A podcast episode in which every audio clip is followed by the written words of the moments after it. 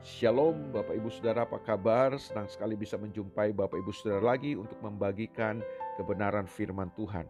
Dan mari sama-sama hari ini kita akan melihat kebenaran firman Tuhan dan merenungkannya yang terambil dari 1 Tesalonika pasal 5 ayat 18. Saya ulang sekali lagi 1 Tesalonika pasal 5 ayat 18 demikianlah firman Tuhan mengucap syukurlah dalam segala hal sebab itulah yang dikehendaki Allah di dalam Kristus Yesus bagi kamu. Ulang sekali lagi, mengucap syukurlah dalam segala hal, sebab itulah yang dikehendaki Allah di dalam Kristus Yesus bagi kamu. Nah, nasihat firman Tuhan buat kita hari ini adalah mengucap syukurlah dalam segala hal.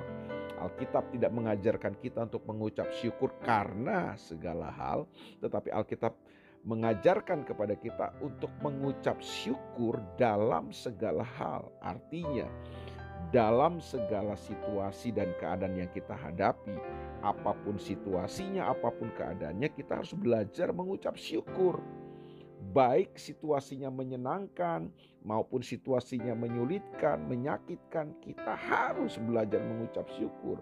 Nah, sayangnya kita pandai untuk mengucap syukur di saat-saat kita mengalami hal-hal yang menyenangkan, tapi berapa banyak kita menjadi sulit untuk mengucap syukur. Bahkan kita tidak bisa mengucap syukur ketika keadaan-keadaan yang kita alami mengecewakan kita, menyakitkan kita, tidak menyenangkan buat kita. Nah, hari ini ada sebuah kebenaran penting yang perlu kita renungkan, kita perlu hidupi dalam kehidupan kita bahwa Tuhan ingin, Tuhan berkehendak buat kita supaya kita mengucap syukur. Jadi mengucap syukur adalah kehendak Tuhan dalam kehidupan kita. Waktu saudara dan saya bersyukur, waktu saudara dan saya mengucap syukur dalam kehidupan, dalam semua situasi yang kita hadapi, kita sedang mengerjakan kehendak Tuhan. Sayangnya hari ini ucapan syukur sering kali menjadi sekedar ritual agamawi atau stigma agamawi dalam kekristenan kita. Sehingga kita cuma memahami dan mengenal ucapan syukur sebagai sebuah acara, sebuah reaksi ketika kita mungkin mengalami pencapaian-pencapaian ya. Jadi mengucap syukur jadi sekedar sebuah acara agamawi. Nah, hari ini mari kita keluar dari stigma agamawi itu dan mulai belajar mengucap syukur dalam segala sesuatu yang kita kerjakan dan kita hadapi. Karena itulah yang dikehendaki Tuhan. Jadi mengucap syukur merupakan kehendak Tuhan buat hidup kita. Nah, waktu kita mengerjakan kehendak Tuhan, maka kita percaya bahwa apa yang terjadi di sorga bisa terjadi di bumi.